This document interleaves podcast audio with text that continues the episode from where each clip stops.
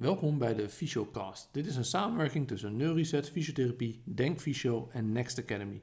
Met een kritische en nuchtere blik dagen we jou en onszelf uit om verder te denken.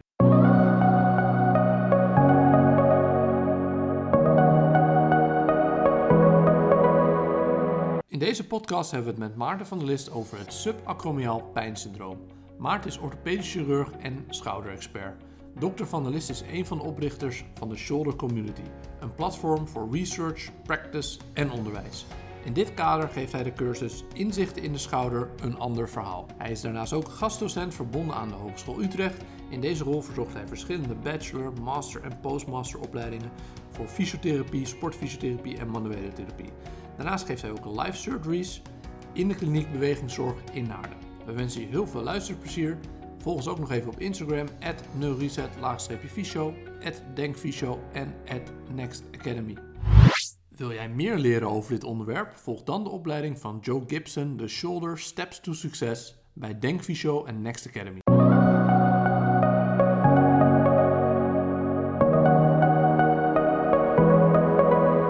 Oké, welkom allemaal. Ehm, ja, we zitten hier in de prachtige boardroom van de Bergman Clinics. Eh, ik ben Patrick en hier naast mij zit Pepijn. En eh, we zijn hier aanwezig met Maarten van der List, ehm orthopedisch chirurg. Dank dat wij in deze prachtige ruimte de podcast met u mogen opnemen. Voordat we beginnen, zou u uzelf eerst willen voorstellen? Oké. Nou, in ieder geval jullie welkom. Ook de mensen thuis. Of thuis, ja, ik weet niet waar je het me luistert. Ehm, ik ben Maarten van List. Ik ben eh, 63 jaar jong, zoals ik me noem.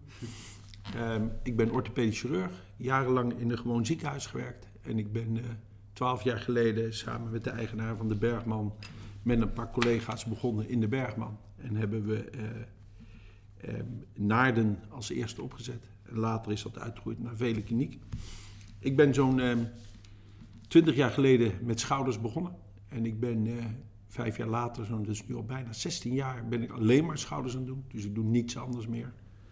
Ehm, en zoals ik dat altijd zeg, eh, het, het vernauwt je blik misschien, maar je krijgt eigenlijk een wijdere blik op het onderwerp. Eh, als je je maar blijft eh, leren om allerlei dingen opnieuw te willen oppakken. Ik ben nog steeds enthousiast om mijn vak te doen. Dus eh, zoals sommige mensen al een appje hebben wanneer ze met pensioen hebben, zie ik die dag. En mijn vrouw ook met enige angst tegemoet. Tegemoet. Ja, want u doet daarnaast ook nog veel ehm, met educatie, want u geeft ook volgens mij les aan master fysiotherapeuten. Ja, En hoe ziet dat er dan ongeveer uit? Dat, is, dat ligt een beetje aan hoe het is. Nu is weer iets minder. Ehm, maar ik, doe, ik, ik, ik ondersteun de Hogeschool Utrecht met, met onderwijs. En dat is het ene jaar wat meer en dan het andere jaar wat minder. Maar we doen onder andere zitten we aan de master verbonden. En dan doen we hier eh, bijvoorbeeld, eh, met, dat doen we ook met, met eh, een andere settings, maar dan geven we ook les in, in, in live surgery. Eh, en dan geven we les aan de docenten. De laatste keer hebben we het eh, via eh, Zoom gedaan. Ja, daar Dus was jij wordt- bij toch? Of? Ja, die heb ik gezien. Ja, ja. voor de eerste keer was ook wel even spannend voor ons. Eh, want het is toch live surgery en er zitten allemaal mensen mee te kijken. precies. Het moet allemaal wel goed gaan. Ja. Eh, dat onderwijs is heel leuk. Dat is wel een onderdeel van. Maar aan de andere kant, ik leer heel erg veel van onderwijs.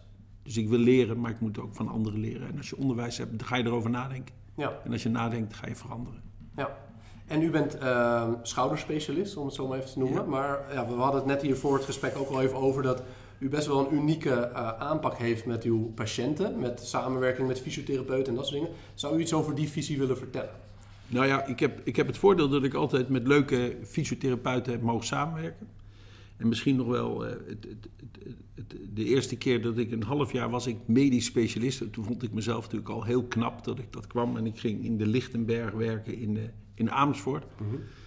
En eh, je werd daar ook, net zoals jij dat doet, maar dat mag je nu laten, met u aangesproken. Meneer de dokter. En eh, ik heb daar eh, Piet Storm leren kennen, een fysiotherapeut. En Piet heeft mij geleerd dat... Ik deed toen in die tijd wel eens een decompressie, een stukje van het dak afhalen, heette toen een neer. En ik zei, dat die gaan goed hè? Toen zei hij, nou dat valt wel mee. en, en sindsdien heb ik geleerd dat niet alle operaties echt vlekkeloos lopen. Oké. En dat was al na een half jaar. En daar heb ik veel van geleerd. En, ehm, en daar komen ze denk ik zo meteen nog wel op terug. Ja. En daarnaast ehm, werken op mijn poli eh, verschillende fysiotherapeuten. Eh, van eh, degene die met een stijf schouderblad werkt tot en met eh, een, een, een motorisch lerend probleem van de, van de schouder tot en met uh, central sensitization pijn.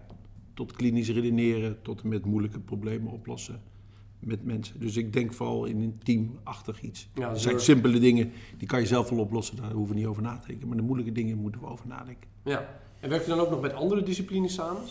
Of zijn het vooral fysiotherapeuten? Ja, ik heb vroeger met pijnteams gewerkt. Okay. Daar ben ik mee gestopt. Ik heb die pijn naar binnen gehaald in het team. Ehm, en dat is ook iemand die, die is eigenlijk het hele pijnteam samen, een beetje psychologisch, maar een beetje hm. nadenken, een beetje empathie tonen, waar ik wat moeite mee heb. en uh, verder uh, allerlei dingen uitvozelen, wat, wat nu eigenlijk het probleem van de patiënt is. Hè. Het hoeft niet altijd de pijn te zijn, maar het kan een onderliggend lijden zijn waarom die pijn heeft. En dat het misschien eigenlijk best geaccepteerd is dat hij die pijn heeft. Ja. En dat hij daar heel goed mee verder kan. Pijn is heel complex en er kunnen zoveel oorzaken voor zijn. Zeker weten. Ja.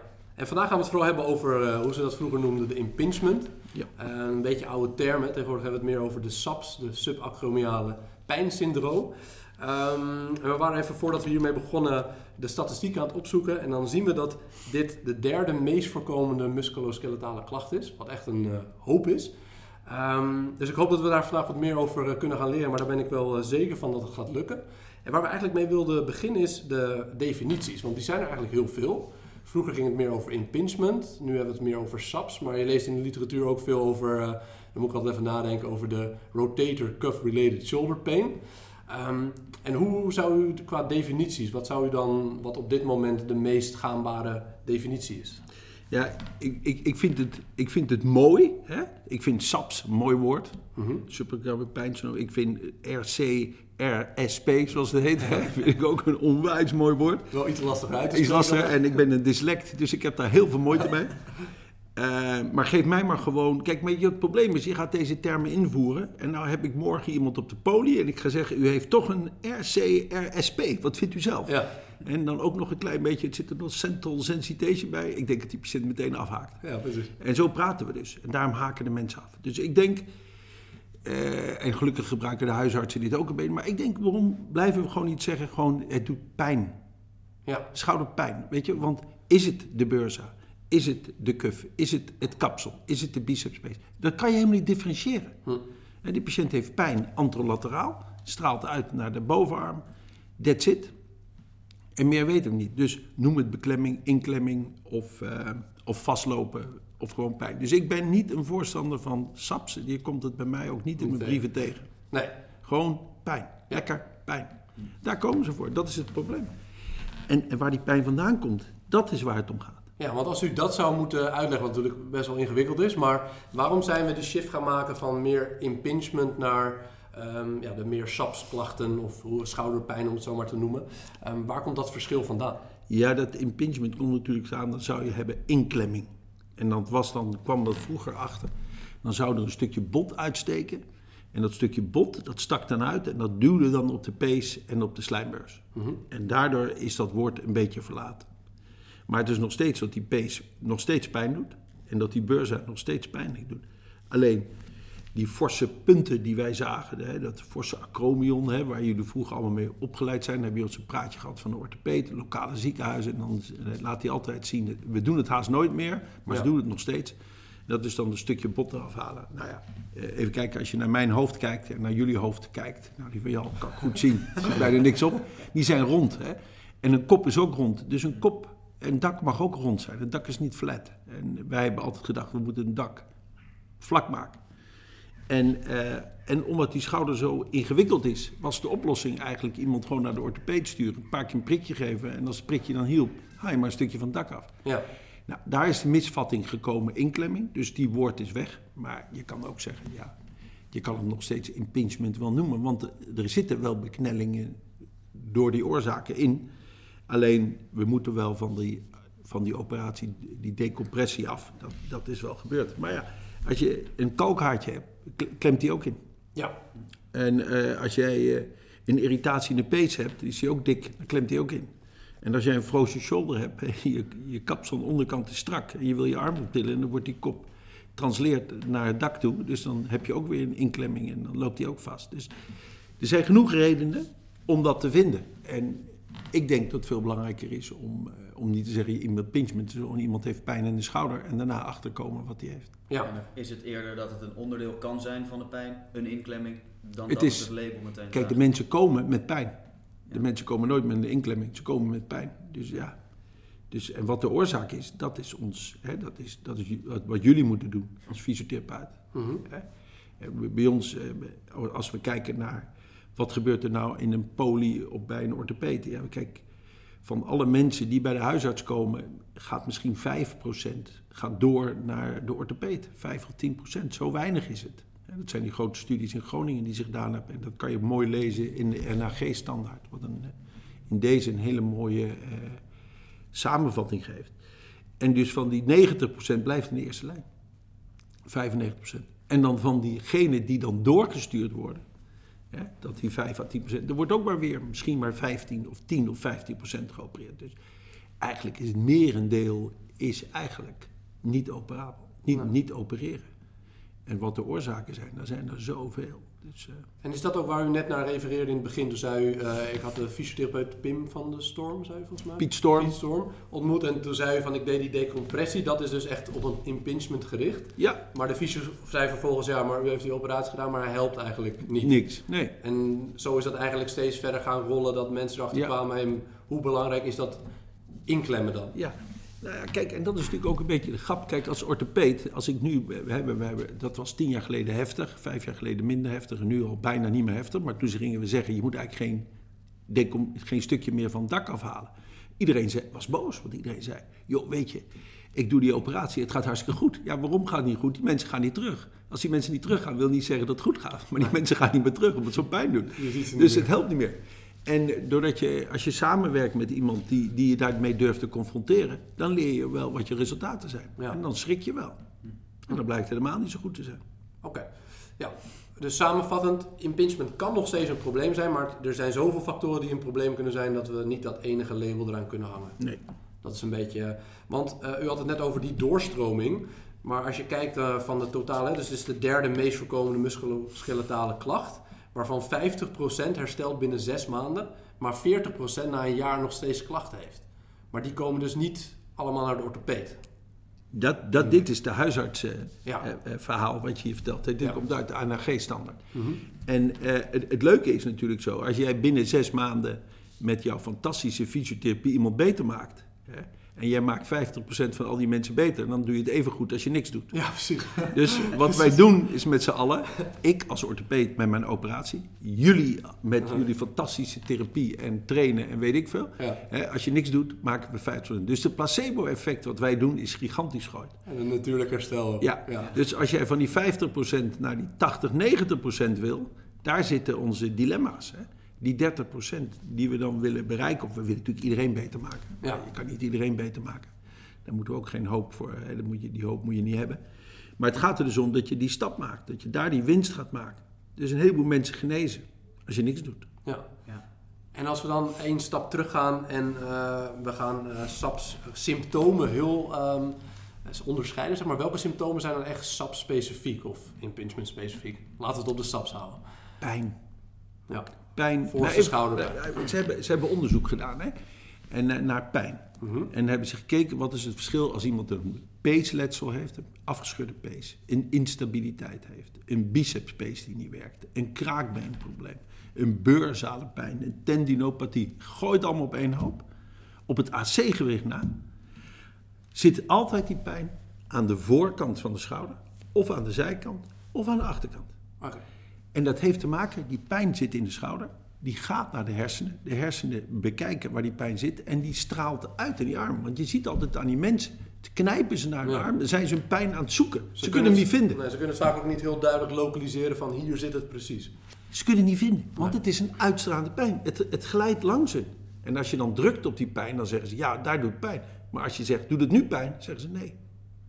En dat zie je zelfs als de pijn uit de hand loopt. Dan zie je zelfs dat er een soort allodonie doet. Hè? Dat, dat, dat het helemaal gevoelig wordt, dat je de huid aanraakt hè, als de pijn uit de hand loopt.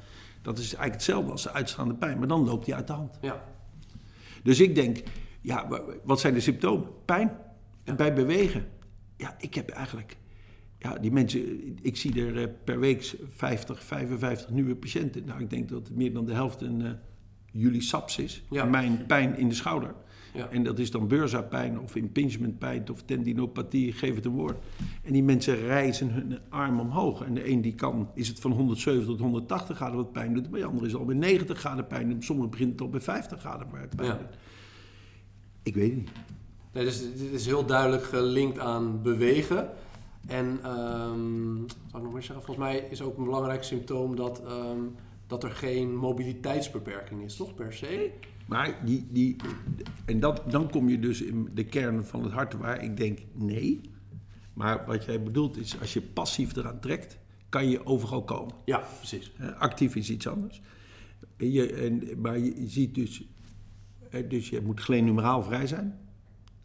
En eh, de scapula-functie wordt natuurlijk ontzettend, eh, maar daar komen we misschien wel straks op, die, die wordt ontzettend beheerd door de pijn.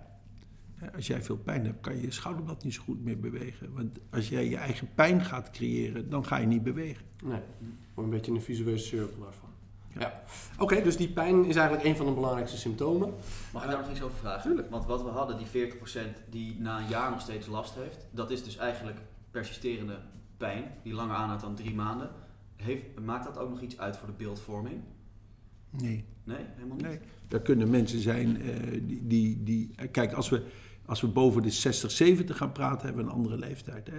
Dan hebben we vaak dat het degener- degeneratieve kuf kan zijn en dat soort dingen. Ja. Als we teruggaan naar de jongeren, we praten over de mensen tussen de 30 en 50. Ja, dan is het merendeel is, is een niks stuk. Ehm, en, ehm, en, maar ze hebben wel pijn. Ja. En dat of afhankelijk is van hun werk, afhankelijk van hun sport. Of de combinatie met name, vaak, denk ik. ehm, is, is, is dat ze gewoon pijn hebben bij bewegen. En sommigen kunnen gewoon niet meer slapen van de pijn. En, en, hè, dus dat is ontzettend ingewikkeld om dat eigenlijk zo even hier neer te zetten. Van, Ja. Hoe ziet die mensen die na één jaar hun pijn eruit ziet, of na een half jaar? Ja. Eigenlijk niet zoveel anders. Nee. Hè, en dan moet je wel hebben, natuurlijk wel niet over een eh, frozen shoulder, die je toch wel makkelijk kan vinden. Mhm. Eh, eh, er zit natuurlijk wat sli- slijtage, glenumeraal hebben we natuurlijk niet bij jongeren. En je hebt AC-pijn. En dat zijn de enige die, die je misschien moet kunnen uitsluiten na, Misschien na een jaar. luxatie eh, nog? Luxaties, maar dan hebben we toch vaak ook mensen die een trauma gehad Ja, hebben. En die hebben toch een beetje een andere Beloop. beloop. Ja. En de mensen die geen trauma hebben en de schouder gaat uit de kom, dan komen we toch weer in het beweegprobleem. Ja. Dus eigenlijk is, ja, ehm, kunnen we dan ook verklaren of kunnen, hoe leggen we uit aan klanten of patiënten wat dit dan precies is? Want daar heb ik dan soms best nog wel moeite mee, omdat het ook een soort van verzamelnaam is. Het is niet echt, hoe, hoe leg je dat heel simplistisch uit naar patiënten? Ja, het- kijk, het ligt natuurlijk ook. Kijk, bij- niet bij elke patiënt moet je hetzelfde uitleggen. Mhm. Kijk, als ik een, eh, een, een, voor- een voorbeeld neem, wat ik vaak als voorbeeld neem. Je bent kapster. En je staat de hele dag te knippen. En dat doe je dan ook nog als je net je eigen praktijk begonnen hebt. Doe je dat ook nog zes dagen per week. Van s morgens 8 tot s avonds 8. Hè. Dan ben je dus lekker hard aan het werk. En als jij dan je werk wil doen, dan ga jij eh, micromovement doen. Hè? Dus je doet hele kleine bewegingen over dat haar. Je werkt een beetje bovenhands. En dan ga je schouderblad schrap zetten. En het schouderblad wordt een beetje verstijfd, omdat zij de hele dag dat werk aan doen is. En vroeger noemden we dat een duim, eh, zo'n zo'n computer. eh, Ja, kans. eh, ja. ja. En van de ouderwetse kans. En dan had je ook dat die mensen s'avonds gaan volleyballen. En dan moeten ze een volledige range of motion hebben van dat hele gewricht om zijn volledige functie te krijgen. Want als je smash wil hebben, dan moet je je volledige gelenumerale functie hebben. Je moet je volledige scapula functie hebben. Om, en je volledige borstkas moet nog lekker meewerken. En dan kan je natuurlijk fantastisch smashen. Maar als je de hele dag daar stijf gewerkt hebt in, in, in die houding en je gaat s'avonds even slaan, dan moet dat wel goed loskomen. En daar zie ik meestal de meeste problemen komen. Omdat het schouderblad dan wat stijf wordt, doordat het niet beweegt. Maar je wil wel hoog daarna die bal slaan en dan loopt dat vast. Dus eigenlijk wat mensen ermee doen en wat ze, dus een beetje de belasting, belastbaarheid. Je kan niet bij de, elke patiënt hetzelfde zeggen. Nee. Het ligt ook een beetje aan wat Tuurlijk, heb je, ja. wat doe je en, en, en wat kan je ermee doen. Ehm, en dan moet je een heel klein beetje empathie tonen. Dat is nog wel lastig. Voor u? Ja. maar wat voor mij al vooral duidelijk is, is dat je de mensen duidelijk uitlegt wat ze hebben. Ja. En dat je ze iets, een, een- iets geeft mee naar huis waar ze iets mee kunnen. Dus als jij zegt, ja, u heeft een, een SAPS en eh, ja, u moet er maar, eh, het, het, die heeft een hele grote kans dat over zes maanden over is, uh, toelidoti. Ja, Eh, of we geven een prikje in de beurs aan, het gaat wel over. Ja, dat werkt niet. nee. Ja, dat prikje is na drie maanden, heb je hetzelfde, na drie weken heb je hetzelfde probleempje.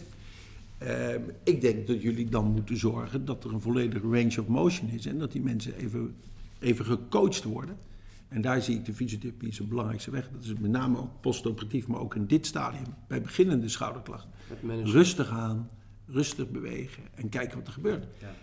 En, en, en het lastige is, kijk, in de schouder heb je eigenlijk drie gewrichten, zoals ik dat noem. Ja. Je hebt het scapula-gewricht, het, je, je beweegt het schouderblad over de borstkast. Je hebt het glenumeraal gewricht, de kop in de kom. En je hebt nog de clavicula, dus de scapula draait om de clavicula. Nou, die drie gewrichten werken nauw samen. Als één van die drie gewrichten niet goed werkt, door een een of andere omstandigheid, dan ga je of in het andere gewricht werken, of je gaat in between vastlopen. Dus bijvoorbeeld, een voorbeeld. Eh, als je ouder wordt en je krijgt een thoracale kyfose, omdat het gewoon inzakt, die handel, dan ga je proberen te, in het AC-gewicht hypermobiel te worden om daar nog wat beter te doen. Nou, dat AC-gewicht dat gaat sneuvelen na een tijdje en die wordt artrotisch. Zo werkt een beetje het gewicht. Dus je hebt een, een, een, een, drie gewicht, die werken nou samen. En als dat niet goed gaat, gaat het compenseren ergens anders. Dat compenseren kan overgaan in een compensa- compensatieprobleem. Maar de mensen komen nooit met het probleem, ze komen altijd met het compensatieprobleem. Ja. En het lastige bij de schouder is dat het zich ook in de tijd verandert. Dus dat noem ik een beetje het vierde gewicht. Dus als jij beweegt en jij krijgt pijn, door die pijn ga je weer anders bewegen. Dus als jij een slijmbeurs krijgt doordat je iets te veel doet, krijg je pijn, dan durf je niet goed te bewegen. Dan ga je dus je schouderblad niet goed bewegen. Doordat je het schouderblad niet goed gaat bewegen, ga je verkeerd bewegen, dan krijg je secundaire impingement en dan kom je dus in de problemen. Dus eigenlijk is het, om, om, is het eigenlijk heel simpel. En bijvoorbeeld, ik denk ook dat als je iemand behandelt, hè, ik kijk hem altijd even na. Want je weet nooit wat er gebeurd is in de tijd. Ik heb heel vaak mensen die zeggen, nou, die hebben een scapula, die werkte niet goed. En dan zie ik ze na een half jaar. En dan denk ik, ja, die fysiotherapeut, nou, dat niks zijn. En dan kijk ze, nou, werkt het schouderblad fantastisch. Hé, dus er is iets anders aan het probleem. En dan kan het ook wel zo zijn dat het een beginnende capsulitis is. Je hebt de vier stadia van de frozen shoulder. En in het eerste stadium heb je pijn, maar geen bewegingsbeperking. Tweede stadium wel. Dus het eerste stadium, als je iemand ziet in het eerste stadium, dan kan je helemaal niet zo makkelijk testen waar het probleem zit. Dus dan zit je, dan ben je wel aan het testen, dan test je het kapsel wel, of het lang of kort is of geïrriteerd is. Maar dat is, dat is niet makkelijk, want het zit altijd een klein beetje tegen die bursitis aan. Dus dan kan je niet goed differentiëren wat er nou precies is. En dan wordt het dus moeilijk wat je gaat doen. Eh, en daarom denk ik dat, dat de tijd heel belangrijk is in de schouder. Ja. Dat, dat het niet altijd hetzelfde is. En eh, als je iemand nu ziet en je ziet hem over een half jaar, is het toch weer een ander beeld. En je ziet dan eigenlijk ook dat het compensatie op compensatie op compensatie, dat het zich Ja. steeds wat complexer uit. Ja, en, Dan, en, dan, en dan moet je dus eigenlijk een soort uienschil hebben en heel langzaam gaan uitrafelen. Ja, En als iemand dat al drie jaar heeft, dan kan je natuurlijk niet in één keer zeggen: Oh ja, eens even deze test, die test, dat test, en dan haal je het in één keer uit. Nee, zo werkt het niet. Dus je moet heel rustig kijken en een beetje gaan behandelen en dan gaan kijken hoe je die mensen weer gangbaar gaat krijgen. En met mij, als je, als je mij tien jaar, acht jaar geleden sprak, dan zei ik: Nou, even kijken wat er aan te opereren valt. ja. En dat heb ik nu helemaal verlaten. Ik ben nu aan het kijken hoe krijg ik iemand weer letterlijk en figuurlijk op de been of weer op, zijn de schouders. Ja. ja dat is wel mooi. Maar daar zit dus ook wel, denk ik, vooral bij die, wat lang zeg net, als iemand eh, die al drie jaar klachten heeft bij je komt, dat, je, dat de tijd het ook zal leren. Maar daar zit denk ik ook een stukje acceptatie van de therapeut bij. Van, gaan nu eh capitolokaal behandelen, maar misschien wat, is dat wel een compensatie. En in die behandeling komen we er misschien wel achter dat het AC toch eh, de kern was bijvoorbeeld. ja, ja. en dat is het leuke ook. Zou je dat dit ook bespreken met een, met een patiënt? Dit proces? Als, als, als, als, wij, als, als ik de, hè, die mensen komen, en ik heb dus altijd geluk dat ik een foto heb. En als ik zie dat er een beginnende slijtage is, dan spreek ik uit dat er een beginnende slijtage is. Maar ik zeg dan tegen hun, ik zou nog niet geopereerd willen worden. Laten we eerst maar eens gaan kijken. En dan geef ik ook nog geen prikjes. Dan ga ik eerst proberen. En, en het probleem is als je heel simpel nadenkt. Hè, wat, wat mijn grote dilemma is, als je mij morgen op de podium zou zien en je zou meelopen, dan is het vaak is het, is het AC vaak bij patiënten, dat is gewoon een best wel een grote groep, is de AC het probleem? Of is het AC een compensatieprobleem? Want als je dus niet goed beweegt en je wilt toch hoog bewegen, ga je het AC overbelasten. Dus het is niet altijd zo wie, wie is het kip, wie is het ei. En dat maakt het voor ons wel lastig. En dan heb je soms hulpmiddelen nodig om, om te gaan zoeken wie is, wie is de oorzaak. En is dat dan meer differentiëren of is dat dan, hoe bepaal je dan wat dan het kip nou, Meestal is het als jonger is, ga je gewoon eerst behandelen. Zorgen dat het schouderblad weer goed beweegt. Dat je trial and error, gewoon ja. kijken wat het en, best uh, werkt. Ja, en, uh, en als het niet lukt, dan zeg je ook, uh, je houdt de deur, je doet de deur wel dicht, maar je houdt de deur open. En, en je spreekt natuurlijk wel af van, als het niet goed gaat, terugzien. En geef het gewoon even vier, vijf maanden de tijd. Ja. En als we dan meer histologisch over het ontstaan, kunnen we dan nog een, dat het meer de pezen zijn, de beurza, is daar nog onderscheid in te maken? Of is het ook helemaal niet zo relevant en met uh, SAPS en is het gewoon vooral, nou, wat u net zei, nee. Ik zie wel nee schudden.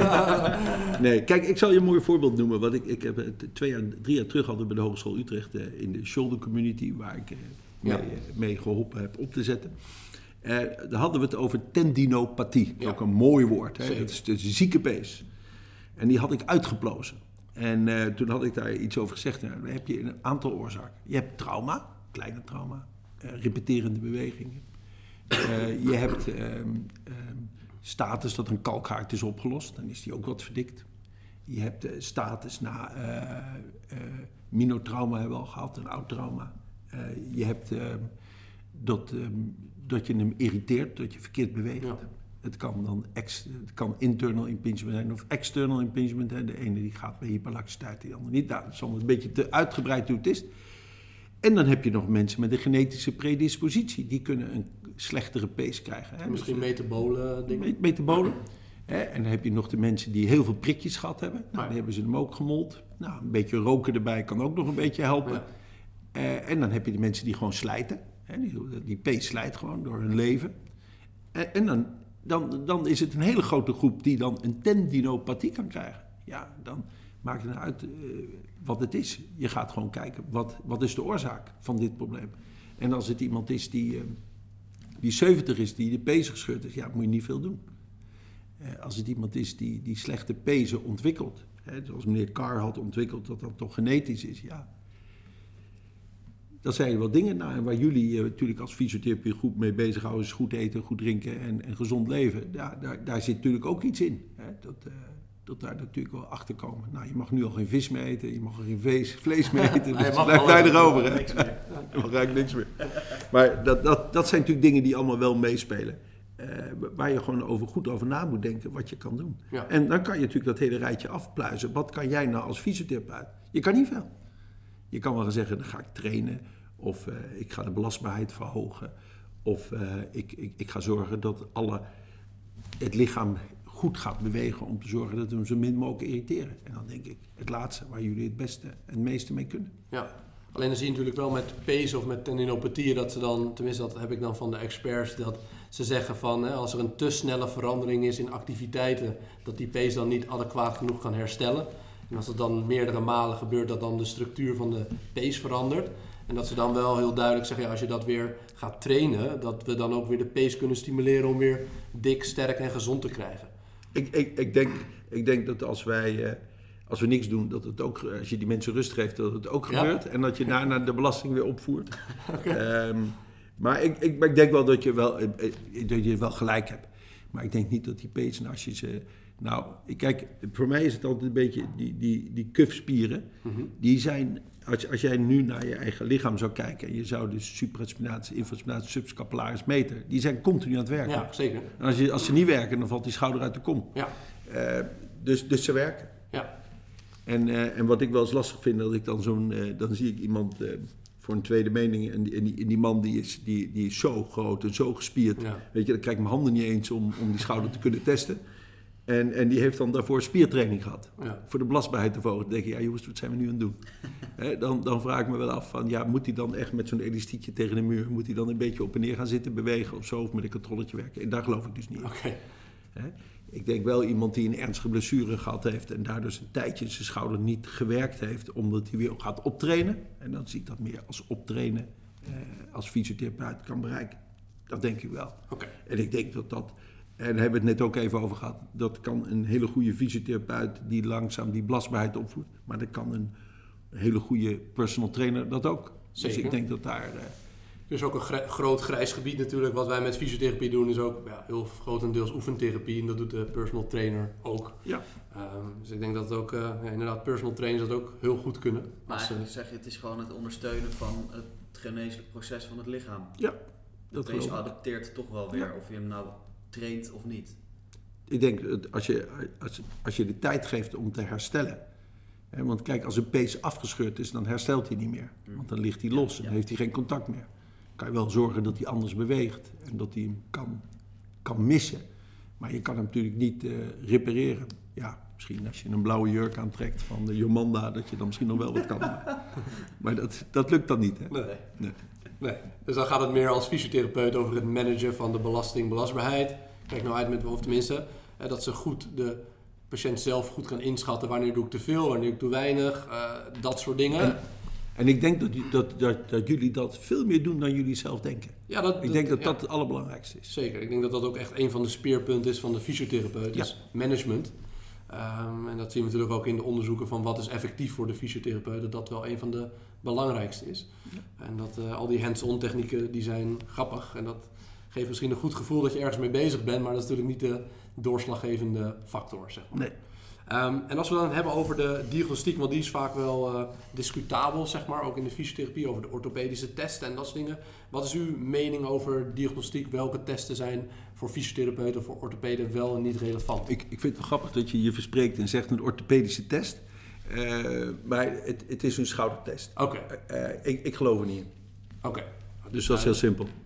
Ook niet Ik als- doe ze ook niet. Nee? Nee. Wat ik wel doe is, eh, ik, ik heb, ik heb, wat, wat, wat voor mij belangrijk is, waar ik net even over had, die drie gewrichtjes.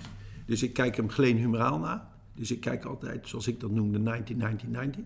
Dus ik kijk wat de exorotatie, de abductie en de abductie-exo. Die moeten allemaal volledig 90 graden zijn. Mhm. En dat is voor 90% van de mensen.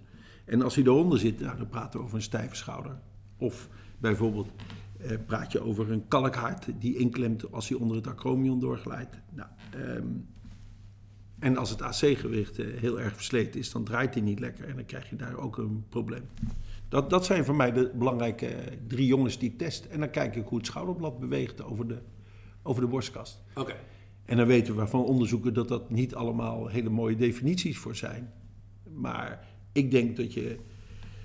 Kijk, als je, als je heel goed kijkt en je, je kijkt naar diagnostische tools, dan zie ik wel eens een verslag van een fysiotherapeut en er staan er 25 testen in. Nou, Neer, Hawking. Zo allemaal, ja. En dan de gemodificeerde Hawkins, Ja, weet je wel. En dan hebben we er nog wel een, Habamaya 1, 2 en 3 en zo. Dat is hartstikke leuk.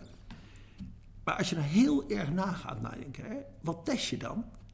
Nou ja, dan zeg je, nou, dan test ik dat en dat. Dat lees je in het boek. Hè? En als je nou combinaties doet, dan, dan kom je alweer een eindje verder. Maar ik denk, ja, weet je, test je nou de scapula die niet goed draait? Test je nou het AC-gewicht? Test je het proces corcuit die tegen de klavikel aanloopt? Test je de beurza? Test je de biceps space? Test je de partiële cuff, beurzaal, intra? Weet ik veel. Ik doe het niet. Nee. Ik geloof het niet. Ik weet niet wie ik test. Dus ik denk dat je eerst moet kijken hoe beweegt alles. Beweegt dat vrij? Eh, is, is dat aan de hand? En dan kan je gaan kijken, oké, wat is er aan de hand? En als jij eh, iemand hebt en je wil bijvoorbeeld de kracht van de supraspinatus meten, hoe die is, ja, dan mag ten eerste mag er geen restrictie zijn van bewegen. Want anders is die test al niet goed. En ten tweede, eh, het moet niet te veel pijn doen. Want dan kan ik hem ook niet testen. Want als je pijn hebt, kan je of juist kracht maken, of juist geen kracht maken. Dus dan is die test alweer onbetrouwbaar.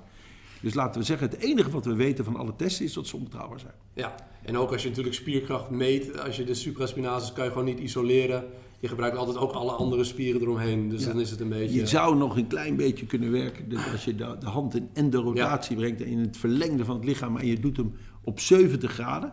Dan hebben we namelijk niet dat er iets kan inklemmen. En als je hem dan test, kan je hem best wel testen. Ja, maar die deltoïdes moet altijd, die doet altijd automatisch een beetje... Ja, Ja. dus dat is altijd het probleem. En de infra kan je een beetje doen in 40-40, kan je hem een Ja. beetje testen. Maar je hebt ook nog de teres minor, dus ja, het, het is best lastig.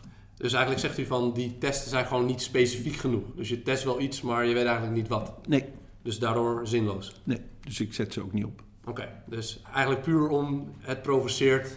Oké, dat is het dan. Ja, Oké, dus voor u gaat het veel meer om anamnese. Kijken of u daar in, zoveel mogelijk informatie uit Ja. kan halen. Ehm, en dan gewoon de mobiliteit, zoals u net zei, Ja. de 90-90-90. En, en hoe dat in elkaar inwerkt. En wat het misschien wat het allerbelangrijkste is dat je. En dat, dat doen ze hebben bij de huur dan die, die koers over. Dat is toch het redeneren. Wat zie ik en wat heb ik en wat gebeurt er? Dus dat je. eh, en soms doe je dat met z'n tweeën, soms doe je dat met z'n drieën. En dat je gaat klinisch redeneren. Wat is er nou eigenlijk? Hè? Wat heb ik nu? En soms heb je daar hulponderzoeken bij die, hè, die extra kan gebruiken. Ehm, maar de heleboel mensen is het eigenlijk heel simpel. En als jij merkt dat glenumeraal beperkt is, ja, dan is de frozen shoulder. Dat is klaar. Weet je? En als iemand onder de 50 is, is duidelijk, wordt die iemand, is die iemand 70 met een frozen shoulder. Ja, moet je even nadenken of er geen versleten schoudergewricht is, wat je daardoor de beperking krijgt. Dus het is redeneren, het is ook kijken naar de tijd, het is ook kijken, hè? Dus, dus de anamnese is heel belangrijk. Hè? Waar, waar zet je die patiënt in? En, eh, en ik denk dat dat heel belangrijk is. Ja. En ook het moeilijkst, denk ik. De En dat, en, dat zit, en dat is computerervaring. Ja. Ja, dat is Ja. eh, zeker weten. En eh, hoe gebruikt u dan diagnostische tools als MRI, echografie? Wanneer heeft dat een plaats? Ja, dat is eigenlijk. ehm, kijk, de, de, de MRI is voor mij een, ehm, eigenlijk niet zo vaak. En die gebruik ik eigenlijk. eh, ja, wanneer gebruik je de MRI? De MRI gebruik ik als het schouder uit de kom gaat. Oké. Veelvuldig. En eh, kijk, als, als iemand bij mij komt en hij zegt: Mijn schouder gaat uit de kom. en hij heeft een röntgenfoto bij zich waar die uit de kom is. Dan hoef ik geen MRI te maken om uit te leggen dat die schouder misschien nog een keer uit de kom gaat. Want als iemand 22 jaar is en zijn schouders uit de kom gaan, is 70% kans dat hij er nog een keer uit gaat. Ja. Dus die discussie hoef ik niet te hebben. Dan zeg ik: Nou, uw schouder gaat uit de kom. Ik zeg: Wat wilt u? U kan eerst naar de fysiotherapeut gaan om te gaan trainen. Nou, meestal komen ze daar vandaan. Zeg je: Nou, ja, het is, of, of het wordt een operatie. Als het meer dan twee, drie keer is, heeft u dat ervoor over? Nou, u kan ook zeggen, ik doe geen abductie exo. Hè. Dus als je in de hand positie bent en je gaat je, achter, je arm naar achteren bewegen, dan kan die eruit. Om het, hè, als je je arm gewoon zo zit en je hebt je arm, zoals jullie nu, langs je lichaam. Ja, dat is- Dan heb je een spier aan de voorkant, de bovenkant en de achterkant. Maar als je abductie exo gaat doen, dan draai je die voorste spier weg en is de schouder onbeschermd. Dus dan kan die uit de kom. Heel simpel. Dat is de hand positie. En als je die niet in je slaap wil, wil willen maken, die hand of tijdens onverwachte beweging, ja, dan moet je geopereerd worden. Nou, en dan maak ik pas een MRI. Oké. Behal- Alleen als ik ga opereren, want waarom zou ik hem maken? Om. Dus ik denk, ik gebruik de MRI niet zozeer als tool om, te, om, te, om de diagnose te stellen, maar vaak eigenlijk om welke operatie ga ik hiernaast doen. En waarom gebruikt u het dan niet? Want er zijn toch heel veel eh, ja, collega's van u die het wel vaak inzetten. Ja, En wat zijn uw redenen om het dan zo weinig te doen? Ja, kijk, waarom zou je bij, als je een frozen shoulder hebt of impingement hebt en je hebt een tendinopathie, waarom zou je dan een MRI maken? Als je weet dat die pees intact is. Ja, wellicht om te kijken of je irritatie ziet of Ja, en dan zie ik die irritatie en dan zeg ik mevrouw, nou verdomd, het is toch irritatie. Hetzelfde wat ik op mijn vinger al drie keer opgedrukt had, wat ook pijn deed. Oké. Dus het- Het is een kwestie van, misschien als je wat jonger bent, dat je wat sneller een, een MRI maakt. Maar het maakt je niet altijd beter. Weet je wat het nadeel van de MRI weer is? Want je ziet er weer dingen op en dan moet je daar weer een discussie over hebben. Stel, hè, even een mooie grap, is een, een MRI maken en dat doe je het ook nog met contrast. Stel dat je naar contrast en je ziet ineens een sleplesie waar die patiënt helemaal geen last van heeft. Ja. Hè? Dan moet je gaan uitleggen, u heeft een sleplesie, maar daar gaan we niks aan doen. Krijg de volgende discussie. Dus ik denk, ja, je moet, je, als, als je gaat, hè, bijvoorbeeld als, als, als, als iemand een peescheur heeft. En heeft een echt een mooie peescheur. Dat merk je. Mooi. hè, Ja, ja, dat is ook mooi. En, en die man is 55 jaar, heeft een trauma gehad. Ja, dan maak ik een MRI om te kijken hoeveel is de retractie, teruggetrokken van die pees. Of is die nu wel teruggetrokken? En is er veel atrofie? Is er vervetting van die pees, van die spier? Nou heeft het nog wel zin om te opereren of niet? Nou, dat zijn voor mij wel MRI waarom ik echt wel spannend vind wat we eruit halen. En als ik bijvoorbeeld, eh, eh, als ik bij iemand een glenumerale slijtage zie en ik ga een prothese doen, dan wil ik even een MRI hebben, dat ik geen rare dingen tegenkom. En, en dan heb ik ook nog de pret-MRI. De pret MRI. Ja, dat is als ik, het, eh, als ik die mensen gerust wil stellen. Ja. Want er komen mensen bij mij binnen en die zeggen, ik wil een MRI. En dan zeg ik, ja, van de hersenen of van de schouder. Want het probleem zit toch vaak in de pijn, in de hersenen. Ja. En, maar die kunnen we nog niet zien. Maar even, ik denk dat we over tien jaar dat wel doen. Als iemand central sensitization heeft, maak je misschien wel een MRI van de hersenen om te kijken waar de pijn eh, uptake zit. S- het schijnt niet zo heel betrouwbaar nog te zijn, maar dat komt nog wel. Maar ze doen het wel. Ja, ze doen het wel. Ah. Ja, in Groningen doen ze het wel. Het, het heeft toch de betrouwbaarheid nog niet gegeven. En kijken ze dan naar activatie van bepaalde hersengebieden? of zo? Ja, en dan zou dat dan een invloed hebben. Maar dat is nog een beetje te ver. Maar goed, de, de grap is wel dat ik denk dat daar dan het probleem zit. Ja. Of de oplossing daar dan ook zit, weet ik ook niet. Eh, en sommige, weet je, je hebt al veel van die, die mensen die, eh, ja, die zijn heel erg met hun lichaam bezig. Of die hebben een familielid die overleden is aan kanker. En dat je dan zegt, en dan noem ik dan, ja, klinkt het verkeerde woord, pret-MRI. Net als de pret-echo bij eh, dames die zwanger zijn. En dan doe je wat extra echo's. En dan doe je wel eens een MRI. Ja. Oké. En dan leg je ook van. En wij hebben. En misschien toch nog wel een goede om even uit te leggen. Ik werk dan samen met eh, Peter Glashouwer. Die, die kijkt dan naar de central sensitization. En die komt dan eens toe. Maarten, ik heb een MRI nodig. Ik kan haar niet behandelen als we niet een MRI gemaakt. Nou, dan ga ik praten met die mevrouw. Ik zeg, mevrouw, het is best. We maken nu een MRI. Dan is het klaar. Omdat ze zelf per se een MRI doen. want zij Ja. zegt, ja, ik heb zoveel pijn. Dit is niet normaal. eh, Ik wil een MRI. Ja. En dan zeggen we, oké, dan maken we een afspraak. We maken een MRI voor u, maar op één voorwaarde. Dat betekent wel dat het daarna klaar is. En dan gaan we daarna behandelen wat wij denken dat beter voor u is. En dan maak je een afspraak met iemand. Weet je? Dan, dan zeg ik, oké, dat is een duidelijke MRI. Eh, je moet een, het, kijk, als je een MRI maakt, moet je kunnen splitsen. Gaan we naar links of naar rechts? En als je dat niet doet, hè, dus je blijft op dezelfde gang voortgaan, dan heeft dat geen nut. Behalve als je goede afspraken maakt. Is dit het stukje empathie ook? De pret MRI? Dat is een, eh, ja, dat is een moeilijke empathie voor me. Ja. Ja. Maar ik denk wel dat dat belangrijk is, dat je die soms doet. Maar ik kan me best goed voorstellen, wat je zei, dat misschien meer collega's in het, eh, in het veld wat vaker een MRI doen, dat dit ook meespeelt. Het geruststellen van mensen die om een of andere reden toch het idee hebben dat een MRI moet, omdat er wel iets kapot moet zijn, dat dat ook meespeelt in de, Ja. in de pijn. Eh, ja, ik kan me best voorstellen dat dat echt wel meespeelt. Ik Ja. denk dat dat ook meespeelt. Maar je moet dan wel afspraken maken van tevoren wat je er daarna mee doet. Ja, want ik merk ook wel vaak in de praktijk dat ook al mensen een MRI hebben gehad. En dat het ja, best wel duidelijk is dat er geen anatomische structuren kapot zijn. Of hè, dat er gewoon niks te vinden is. Maar dat het toch zo in hun hoofd zit. Ja, maar er, ik heb pijn. Dus er moet iets zijn. Ze Ja. kunnen het gewoon niet vinden. Ze, ze hebben gewoon niet goed gekeken. Ja. En dan is het zo lastig, zeker als fysiotherapeut, omdat je dan toch wat, ja, eh, om het even neerbuigend te zeggen, wat lager in de rangorde staat. Om dat dan toch te zeggen van, ja, hè, blij, ze hebben een MRI gemaakt, er is niks op te zien. Maar dus wij kunnen nu gewoon gaan werken om te zorgen dat die Ja. pijn minder wordt. Ja. Maar dan toch zeggen ze, ja, maar ik geloof het gewoon niet. Ik, ik kan er gewoon niet bij, want ik heb zoveel pijn. Hoe kan Ja. er dan niks aan de hand zijn? Ja. En, dan, en dan heb je dus zo'n Peter Glashouder nodig die met hun dat gesprek aangaat. En dan als je soms ziet dat hij na twee, drie gesprekken of twee gesprekken, dat je al ziet dat de pijnscore van, in rust van eh, 9 naar, naar 2 of 3 gaat. Eh, Ja. alleen al door uitleg. Pijneducatie. Pijneducatie. Ja. En dat is dan eh, eh, eh, dat boek van eh, eh, Begrijp de pijn. Ja.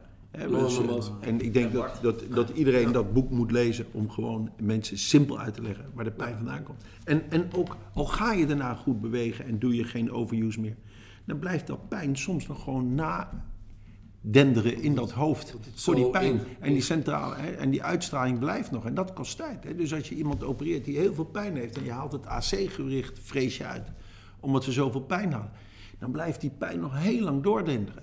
En dan gaat het niet meteen echt. En dan zeg je ook gewoon, voor, het kan wel een jaar duren voordat die pijn eruit gaat. Ja, het zit gewoon zo in het brein En- vastgeroest. Ja, en als jij nou zorgt dat die mensen begrijpen dat die pijn niet meteen weggaat en dat dat tijd kost, dan gaan ze zich ook niet opwinden en anders gaan ze zich verzetten tegen die pijn. ja. En dan gaat die pijn nooit weg.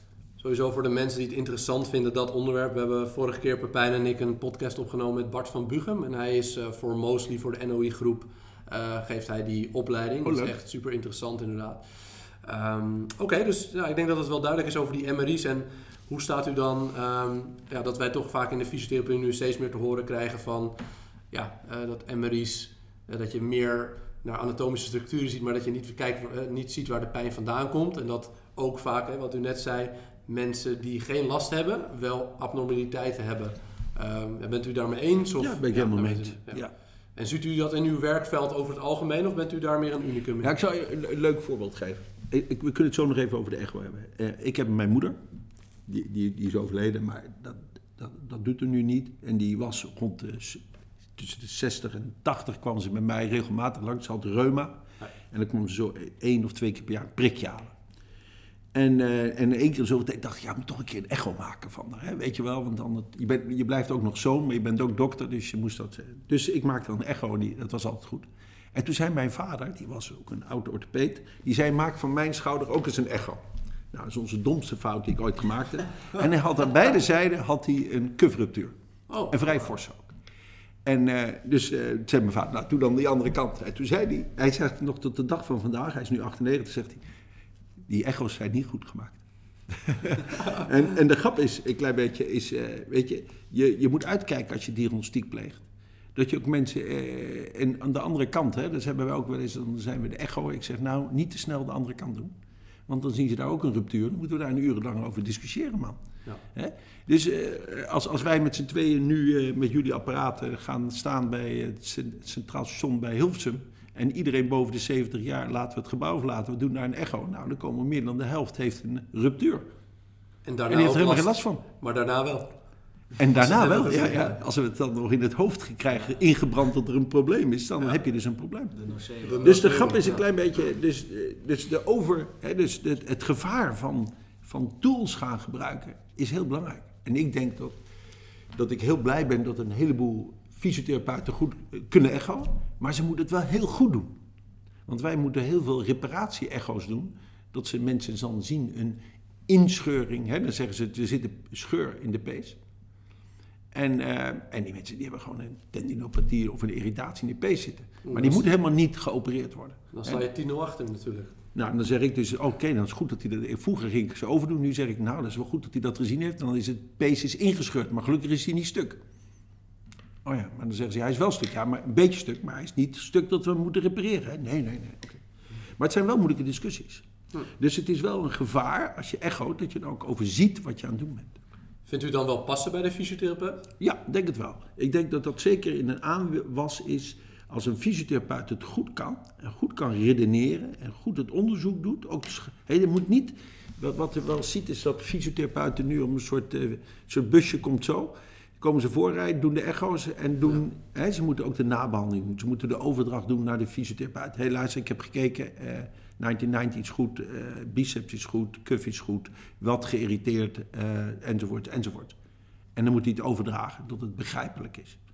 En dan kan je ook nog zeggen, wat ik nu aan aanbod vind, dat je nog even kijkt of er een kalkhart zit.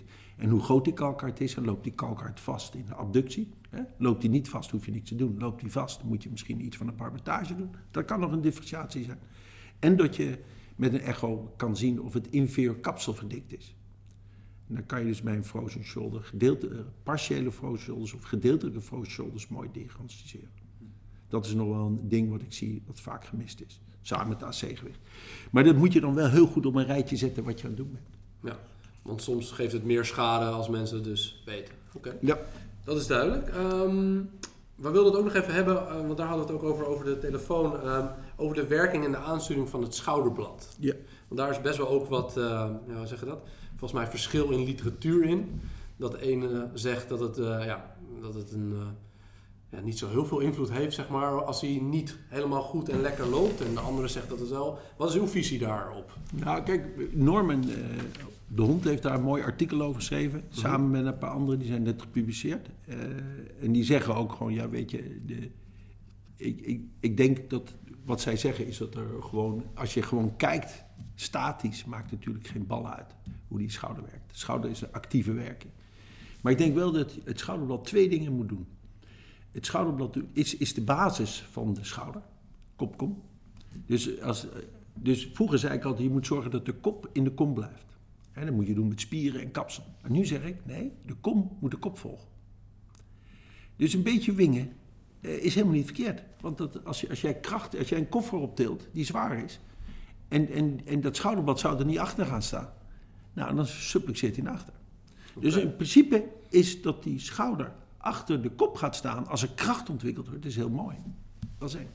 En ten tweede, het dak moet zich openen om de kop te ontvangen. Dus als jij een antiflexie doet, dan moet het dak van het acromion moet zich openen. En als hij zich niet opent, kan, kunnen de, de, de kop en de pezen er gewoon niet onder. Oké, en dan zouden wij dat dus als fysiotherapeut als abnormaal kunnen. eh, En dan kan je daar twee dingen doen. Kijk, als, als, als iemand beidezijds klachten heeft, is het moeilijk.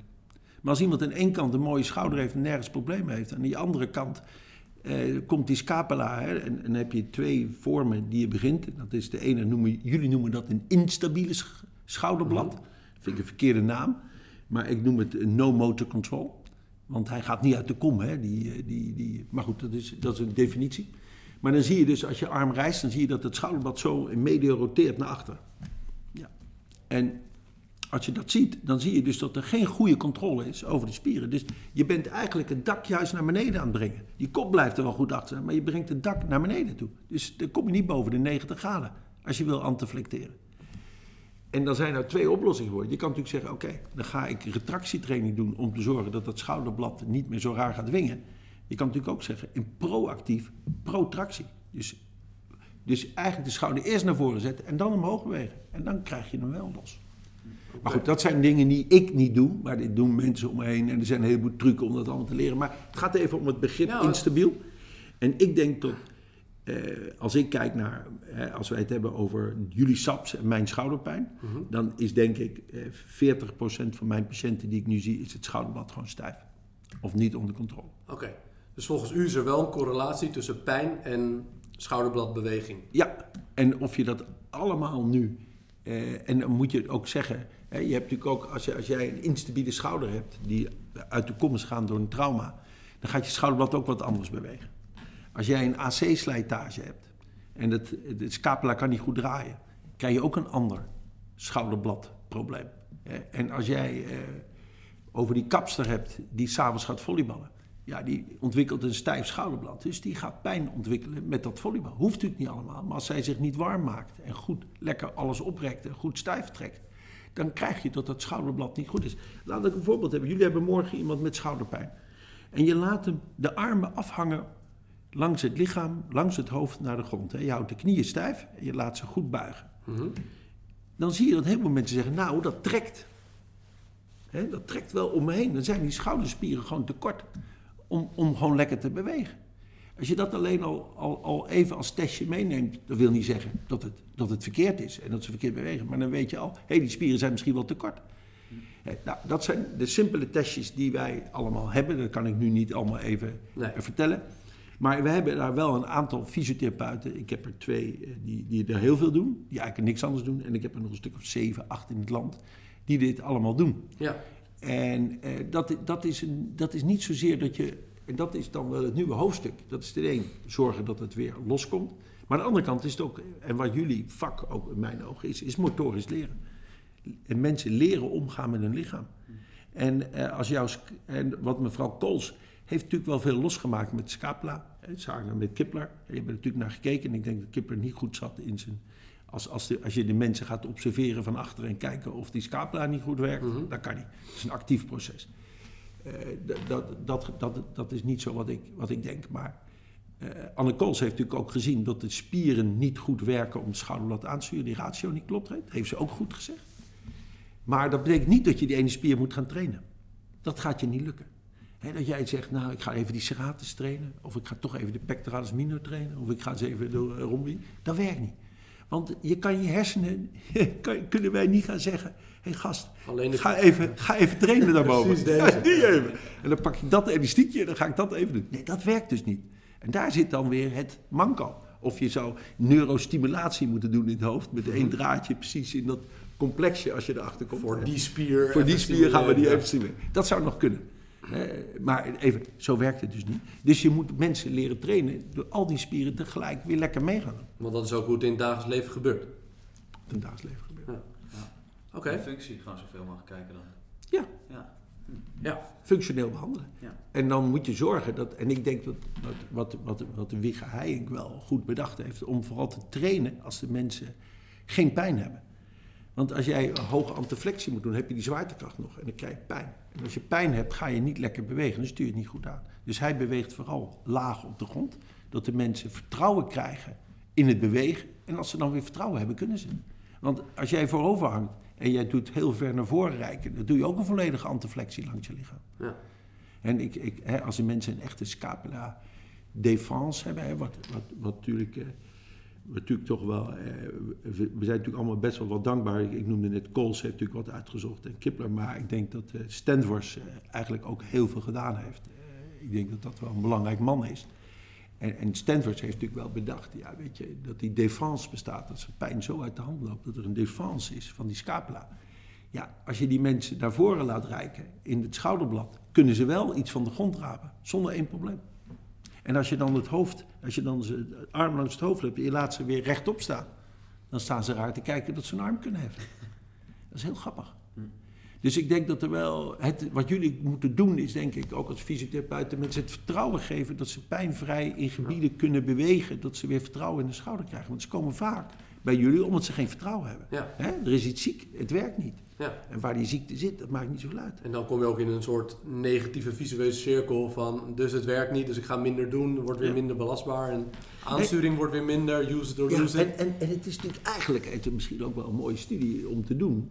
Waarom hadden we in de jaren 60 nauwelijks schouderklachten en nu giga, hè, zoals jij zegt. Ja. Ja, gelukkig, voor mij is het handel, voor jullie ook. Maar het is, eh, het is natuurlijk wel ongelooflijk wat er gebeurt. Hè? Ja. En dat komt misschien ook wel, ja, ik weet niet hoe dat allemaal komt, maar het is gewoon zo. Misschien toch een meer inactieve leefstijl voor mensen. En dan opeens toch weer dingen gaan doen. Ja, als ik zie hoe die mensen vroeger allemaal een kopje koffie dronken, of dat nou allemaal, die kantoorklerken, dat ze allemaal zo stijf waren, ik weet het niet.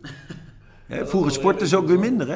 Dus ik weet niet wat het is, maar het, het, het- die, die schouderklachten, ja, die- die- dat stijgt. Ja. En eh, kijk, bij knie, knieslijtage en heupslijtage kan ik het wel verklaren. De mensen worden ouder Ja. en de mensen eh, hebben heel veel gesport vroeger, dus hun gewrichten stuk gemaakt.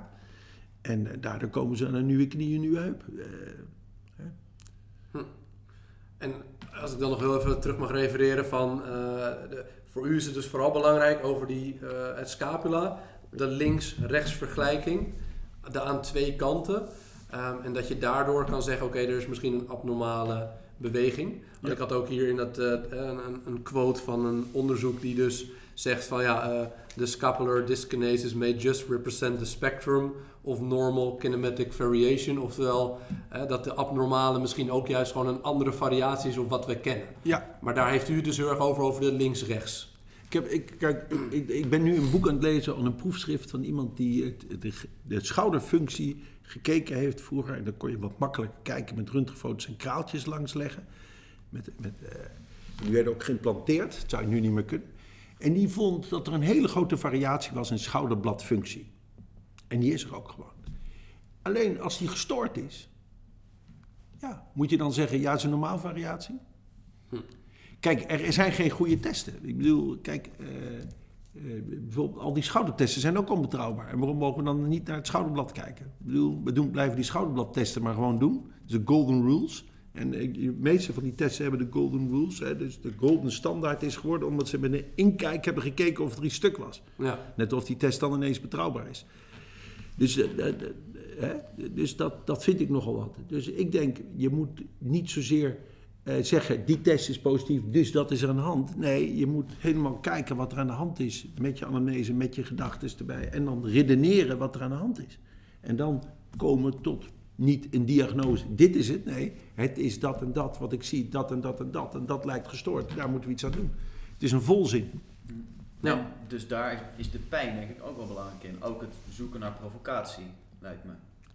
Ja, dat, dat, dat, is natuurlijk, dat is natuurlijk weer het moeilijke. Want je weet, je, je hebt pijn. En, en je, die provocatie, dat maakt het zo lastig. Ja.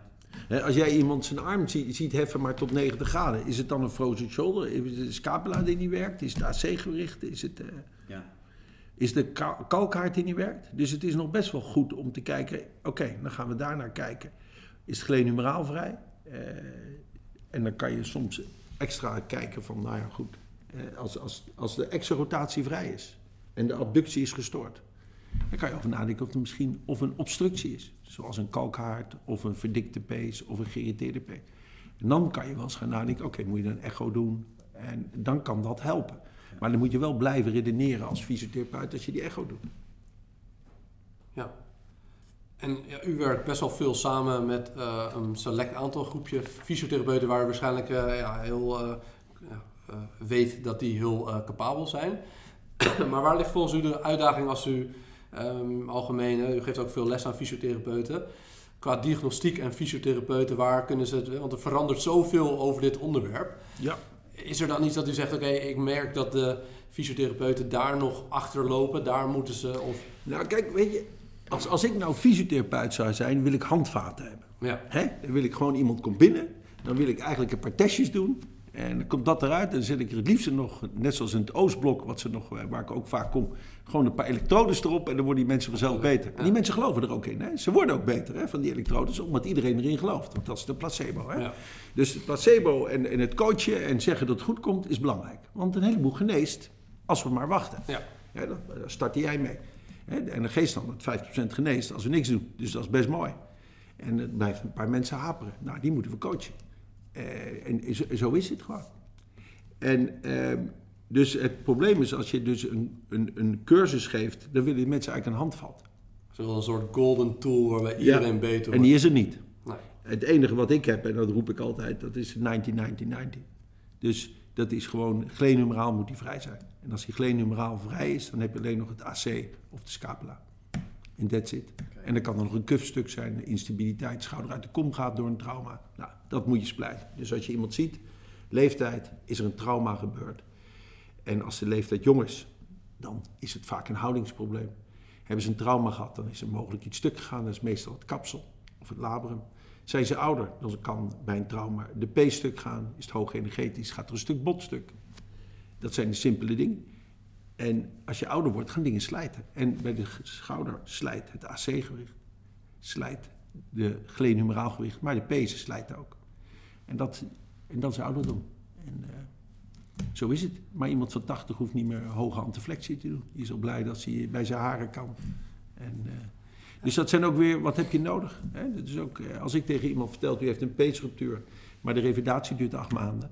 Dan zegt hij, eh, luister eens, eh, ik moet nog op vakantie. Over, nou, dat zei ze vorig jaar nog, nu niet meer. Maar dan zei ze, ik, moet nog, ik ga over vier maanden met de camper weg. Nou, ik ga nog drie maanden dit doen. Dat, ze hebben helemaal geen tijd, ze moeten voor de kleinkinderen zorgen. Dus ze hebben helemaal geen tijd. Dus eh, dan is het dus niet zo heel belangrijk dus. Nee.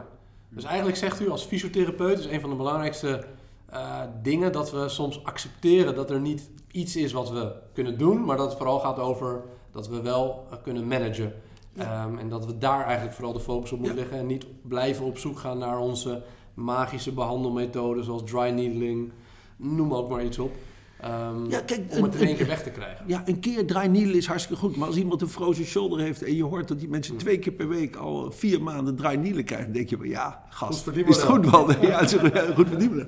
En, en kijk, en dan kunnen we, Shockwave heeft het dan wel gewonnen in, de, in, in, de, in, de, in het onderzoek. Maar dat, dat is het natuurlijk ook niet. Hè? En volgens mij komen ze er nu ook weer op terug. Ja, ik geloof het wel. eh, Maar ik denk, ik, denk dat, ik denk dat alles helpt een beetje. Weet je? En eh, ik denk dat het vooral belangrijk is dat we een blauwe jurk aantrekken. Als we het uitleggen. Ik ook. Hè? Ik bedoel, la- laten we het hebben over die subacromiale decompressies van vroeger. Hè? Dan gingen we een operatie doen. Dan gingen we een stukje van het dak afhalen. Ik heb eh, twee jaar terug voor de manueel therapeuten, het jaarcongres, een praatje erover gehouden. Heb ik het helemaal opgezocht. En waarom heb ik dat nou gedaan? En waarom bleef ik het volhouden? Toen kwam ik erachter dat in die tijd al twaalf artikelen waren. De artikelen. Waardoor het heel goed was om die operatie te doen. Oké. Dus het grappige is, wij zitten in een tijd en dan wordt er, hè, we zeggen de wetenschappers, die zijn, maar die wetenschappers die verneuken ons ook eigenlijk. Weet je, die, die zijn ook met onderzoek bezig. Hè? Die zijn nu de hele tijd naar het scapula aan het kijken en zo. Hartstikke goed dat ze doen en dat we ervan leren. En daarna komen er pas de studies dat eigenlijk die hele subacromiale decompressie geen zin heeft. Het, eerste artikel is pas een jaartje of drie geleden gepubliceerd. Oh, serieus? Ja, dat was een leuk artikel. Dat, deden ze, dat is wel een briljant artikel. 330 mensen. 100 mensen kregen de operatie aangeboden. Een stukje van het dak af. 100, 110, 110, 110. En 110 kregen drie gaatjes. Er werd niet de operatie uitgevoerd? Nee. En eh, drie deden ze niks bij. Helemaal niet. Helemaal niks. Oké. En na twee jaar hadden ze allemaal dezelfde resultaten. niet zo. Briljant, hè? En het eerste half jaar deden de twee operaties het beter.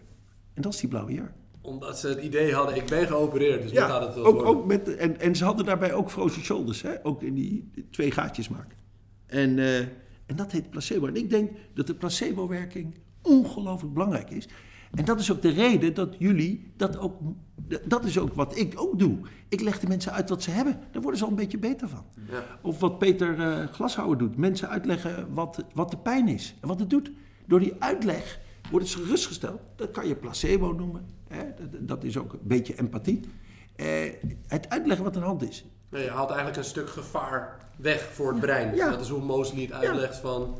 Ja, er zijn toch weer iets minder onzekerheden inderdaad voor het brein. En dat komt wel goed en we maken ons geen zorgen. En aan de andere kant, ja, je gaat er ook niet dood aan. Hè? Laten we dat eh, ook, ook even stellen. Het is wel een handicap. Dat is wel ernstig. En uh, hè, die hebben gefrustreerde mensen die, die, die, die, echt willen bewegen, die echt iets kunnen. En die kunnen het dan niet. Dat is hartstikke zielig. Hartstikke vervelend. Maar het is het. Ik, ik heb mensen van 75 jaar, die hebben dan een peesruptuur. En die willen tennissen. En die moeten dus dat sociale event gaan opgeven. Want die hebben dan gewoon een grote pees, de supra en de infra, zeg maar wat. En die kunnen niet meer tennissen. Dat is best zielig. En dan uh, moet je dat uitleggen. Nou, dan zit ze met tranen ogen, 75. Ja, dat begrijp ik ook wel. Weet je, je gaat met je vrienden, dan zit je al 20 jaar. Je ziet wel die vier mannetjes daar over dat net staan. Keihard smashen, weet je wel. Er komt bijna geen bal terug. Ja. Maar daarna een biertje drinken, dat is belangrijk. Ja. En, uh, en dat, dat is dan wel het ding. En als je dan zegt, ja, dit is het. Ja, is het wel lastig. Ja. En ik, ik denk dat, dat, dat, dat, dat de placebo-werking... en, en wij trappen er elk jaar ook weer in. En vroeger, eh, dat vind ik altijd wel mooi, er is een, mooi artikel over geschreven. Eh, dat ging over aderlaten. Zeggen jullie dat iets? Uh, Als je vroeger ziek was, hè, dan zeiden ze dat alle slechte sappen zitten in het lichaam. Die zitten dus, hè, dus dan moet je verplicht braken, diarree krijgen en er werd bloed weggelaten. Ja, ja. En dan waren die drie dingen waren weg, dan, was, dan, dan werd je genezen. En, en als je zo'n aderlating van, hè, zeg maar, stel het een halve liter is en je overleefde dat, waardoor kwam dat? Door het aderlaten. Natuurlijk. en als je dan in die tussentijd een tweede mening kon regelen. Hè, dus dat je was zo rijk, deed nog een tweede dokter. En die tweede dokter zei ook: doe maar een aderlating. En het lukte. Waardoor kwam het dan? Door die aderlating. En, uh, en dat is het mooie. En waarom werden al die mensen beter van die decompressies vroeger? Zoals ik ook ingetrapt ben en dat de literatuur mij dat ook nog eens vertelde. Was omdat de mensen overleefden het. Ja. ja, en ze hadden geen pijn meer na een tijdje. Maar dat kwam niet door die decompressie. Nee, geniaal. Ja, het is geniaal. En, uh, en dat is wel wat voor mij veranderd heeft. Dus je mag best wel zeggen dat ik, ja, ik opereer. Ik denk dat de orthopedie 30, 40 procent placebo is. Dan moeten de zorgverzekeraars nou even niet meeluisteren. Maar dat is wel bewezen, placebo. Hè? Het is wel bewezen wat we doen. En we mogen nu geen scopietjes meer doen van mensen boven de 50 jaar. Hè? En dat is ook terecht. Want als je niks doet en je wacht even vier maanden langer, dan is die pijn ook weg. En de revalidatie duurt ook best lang. En het kost nog geld ook.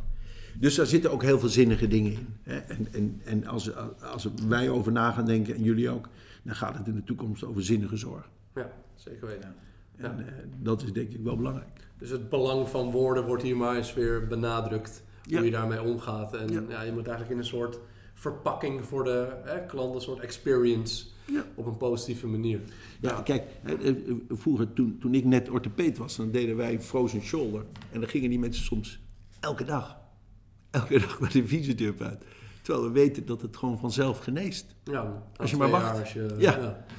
En, uh, maar het heeft best wel veel tijd gekost voordat we erachter kwamen. Ja. Ik had laatst wel een onderzoek gelezen, maar dat was wel een onderwerp, moeten we niet te lang over doorgaan. Met frozen shoulder, dat uh, corticosteroïden in combinatie met training wellicht het versnelt. Maar Zeker. en er eh, zal over twee jaar weer een artikel komen die dat, dat niet onderschrijft. En wanneer is het dan voor u het moment om met dit soort klachten om wel operatief? Is dat nog een optie en wat zijn dan de afwegingen? Nou, de, grap is dat niemand meer een decompressie doet in Nederland. Oké, dus dat is helemaal... Maar er is natuurlijk, die operatie is ooit bedacht voor een duidelijke afwijking. En je ziet wel eens mensen met een echte haak zitten. Dat is echt zo'n haakgraad 3. Dat is echt zo'n punt naar beneden. Die drukt ook in de pees. Die bestaan wel. En omdat niemand meer opereert en er niet naar kijkt, krijg je ook weer dat die mensen dan ook weer een ondergeschoven kindje worden. Oké. Ehm, dan, dan doe ik het. Uh, maar dat is misschien één keer in de vier weken. Van de vijftien die ik per week doe. En merkt u dan dat, uh, ja dat is altijd een beetje lastig natuurlijk, maar eh, heeft dat dan resultaat? Ja, dat heeft wel resultaat, ja. Als je ze goed selecteert, heeft dat wel resultaat. resultaat. En ja, weet je, het, het meeste waar ik aan opereer is eigenlijk het AC-gewicht. En dat heeft te maken omdat ik gewoon zie dat het, uh, dat, dat het AC-gewicht een hele belangrijke factor heeft bij een volledige functie. En uh, je moet ze niet opereren na een week, maar als ze na drie, vier jaar klachten hebben, dan valt een AC-resectie heel goed te overwegen. En wat doet u dan exact? Wat is dan zeg maar het mechanisme? Nou kijk, als, als, als mensen een... een uh, kijk, als, als jij je AC-gewicht niet goed draait, wegens slijtage, en dat zie je vaak bij bodybuilders of mensen na een trauma enzovoort, enzovoort, dan kunnen ze niet goed bewegen in het AC-gewicht. En dan krijgen ze secundaire impingement. Dan hoeven ze niet eens pijn te hebben altijd in het AC-gewicht. En dan gaan ze niet goed draaien. En dan krijgen ze het schouderblad niet goed gedraaid in dat hele proces. En dan lopen ze vast. Dan heeft het geen zin om een stukje van het dak af te halen. Maar dan moet je gewoon kijken, waarom draait het niet? En dat is dan wel waar je extra onderzoek doet naar een echo of een MRI... om te kijken waar het probleem zit. En dan kan het soms een AC-resectie, een, een hele belangrijke... en ik doe het dan scopisch. Als het zonder trauma is en als met trauma is, doe ik het open. Eh, en daar zijn redenen voor. Maar dan maak je die mensen ook beter. Alleen het enige nadeel is dat die mensen wel weer moeten leren dat schouderblad te gebruiken wat ze niet konden. Ja. En daar zit dan weer iets waar de after sales in zit van oké, dan zie ik mee, merendeel van die mensen zie ik een half jaar terug dat het niet goed gaat. En dan Omdat moet ze er fysio- aan gedaan hebben. Omdat de fysiotherapeut dat niet altijd goed ziet. Oké. Die denkt de glenumeraal moet het vrij zijn. Ja, ze krijgt natuurlijk altijd een lichte stijfheid, glenumeraal na de operatie. Nou, die vang je op. Maar daarna moet je zorgen dat scapula in protractie proactief lekker beweegt. Dan wordt dus eigenlijk de compensatie wordt de nieuwe bewegingsnorm. Ja, Ja. En, en, en als ze dat dan weer kunnen, dan komen ze weer goed. Ja. Maar dat leg ik dan van tevoren uit. En wat mijn fysiotherapeuten vroeger deden, namen ze die mensen over. En nu bellen ze de fysiotherapeuten waar van elders op. Joh, doe even dit en dit. En kijk daar even naar. Dus we proberen ook mensen van afstand nu te coachen om, eh, om te zorgen dat de mensen niet hoeven te rijden. En dat soort dingen. Oké, dus voor die twee is een operatie echt wel nuttig. Eh, Oh ja, nee, maar Ja. luister we doen er nog steeds 15 per week. Hè? Dus, eh, bedoel, eh, dus we hebben nog wel werk. Maar ja, als je kijkt, we doen er ongeveer, we zien bij elkaar, ik denk dat ik in mijn eentje 2500 nieuwe mensen zie per jaar. En eh, het- wat je opereert zijn slijtage, als ze echt niet meer kunnen. Of een grote kuffruptuur als ze jong zijn. Ja. En, sleutelbeentjes die breken. En die zie ik natuurlijk nu iets minder om door de COVID-tijd dat wij dit nog wel, omdat wij COVID-vrij zijn, eh, dit kunnen doen. Maar dat is straks weer eh, natuurlijk weer wat minder. ja. Maar in zoverre is er, is er nog best wel werk om te doen. Oké, gelukkig. Gelukkig. En, Maar voor eh, jullie ook? Sorry? voor ja, jullie voor ook? ons zeker weten ook genoeg werk. En is er dan nog een, ehm, als het puur over de SAPS of hoe u het noemt, hè, dus de schouderpijn, ehm, qua medicatie of cortisone-injecties, wanneer is daar een plaats voor? Ja, het is moeilijk. Kijk, als, als, als jij niet lekker. Kijk, als jij eh, AC-slijtage hebt, echt. Hè, wat ik niet echt saps is, maar als je daar pijn hebt, heeft een injectie echt zin. Oké, kan cortisone. Cortisone. Maar je moet het natuurlijk niet doen bij iemand die nog geen problemen in zijn schouder heeft. Want anders creëer je kraakbeenafbraak in het AC-gewicht. Eh, in de beurza, als jij weet dat iemand helemaal gezond is, alleen een slijmbeurs irriteert of een tendinopathie heeft, en je weet dat dat komt omdat ze niet goed beweegt, heeft die prik geen zin. Omdat je het probleem niet oplost. Dus de pijn gaat even weg, maar de motorische... Ja, en dan kan je zeggen, oké, dan geef ik prikjes en beter bewegen en dat soort dingen. Dan zeg ik, eh, dan heb ik liever dat ze even in de mitella lopen, dat ze even rust nemen, dat het geen pijn doet. En dat ze daarna weer leren bewegen om het goed te doen. Ja, Ik heb bijvoorbeeld een, eh, een klein bandje gemaakt, daar moet ik zelf altijd om lachen, die heet de list limiter. En die zit dan vast aan je riem en aan je elleboog. En dan kan je niet verder bewegen. En dat kan bij jonge mensen die veel pijn hebben. Die, waar dat allemaal niet lekker werkt. Die kunnen gewoon hun ding doen thuis. Hun huishouden, alles doen. Hun werk. Bewegen niet te veel. En dan kunnen ze rustig gerehabiliteerd worden. Om in die, boven die 90 graden wel weer zo meteen te kunnen bewegen. Dat zijn allemaal wel trucjes die, die we toepassen.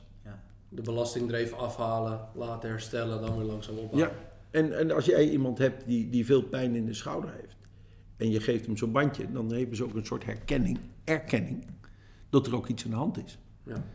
En dan, eh, dan, dan kunnen ze ook niet alles. En dan worden ze misschien met rust gelaten. Dus het heeft. En zelf denken ze er ook nog eens aan. Want ja, meestal zijn dat mensen met wat veel energie. Wat ik zelf ook heb. Dus ik begrijp die mensen. Mhm. En dan moet je ze wat afremmen. En dat kan met zo'n bandje. Maar dat zijn, dat zijn de grapjes. Ik, ik, en je kan natuurlijk ook wel zeggen, geef iemand naprozine of zo. Maar je moet wel uitkijken dat je ze niet aan de tramadol gaat zetten en de oxy, oxycodon, weet je wel. Dan maak je er ook weer een verslaving van. Dus ik bedoel, dat willen we ook weer niet. Nee. Dus ik denk dat je juist dat ze moet zorgen dat ze hun bewegingen limiteren, dat ze geen pijn hebben, daar vertrouwen in krijgen. En dat jullie zorgen dat ze weer vertrouwen krijgen in het bewegen en weer gaan bewegen. Dus u bent er niet een hele grote voorstander van injecties of medicatie? Nou, dat is natuurlijk niet waar, want ik prik veel. Eh, kijk, ik geloof wel iemand die bijvoorbeeld 70 jaar is. eh, en die komt bij mij met veel pijn. En dan weet je ook, daar ga je niet aan opereren. Fysiotherapie helpt ook niet zoveel. Dus dan geef ik ze de Happy 3. De, de wat? De Happy Three. Een soort ecstasy of zo. Nee, zou kunnen. Dan geef ik een prikje in het gericht, in de beurza en in het AC-gewicht. Want ze hebben pijn, ze bewegen niet goed en ze compenseren in die drie gewichtjes. Dus dan geef ik daar ook een prikje in. En dan zie je dat die mensen helemaal op kalfateren. Oké, ja, want de pijn dempt dan natuurlijk en dan durven ze er ook weer mee. te bewegen en dan gaan ze er weer doorheen. Een soort automatische revalidatie.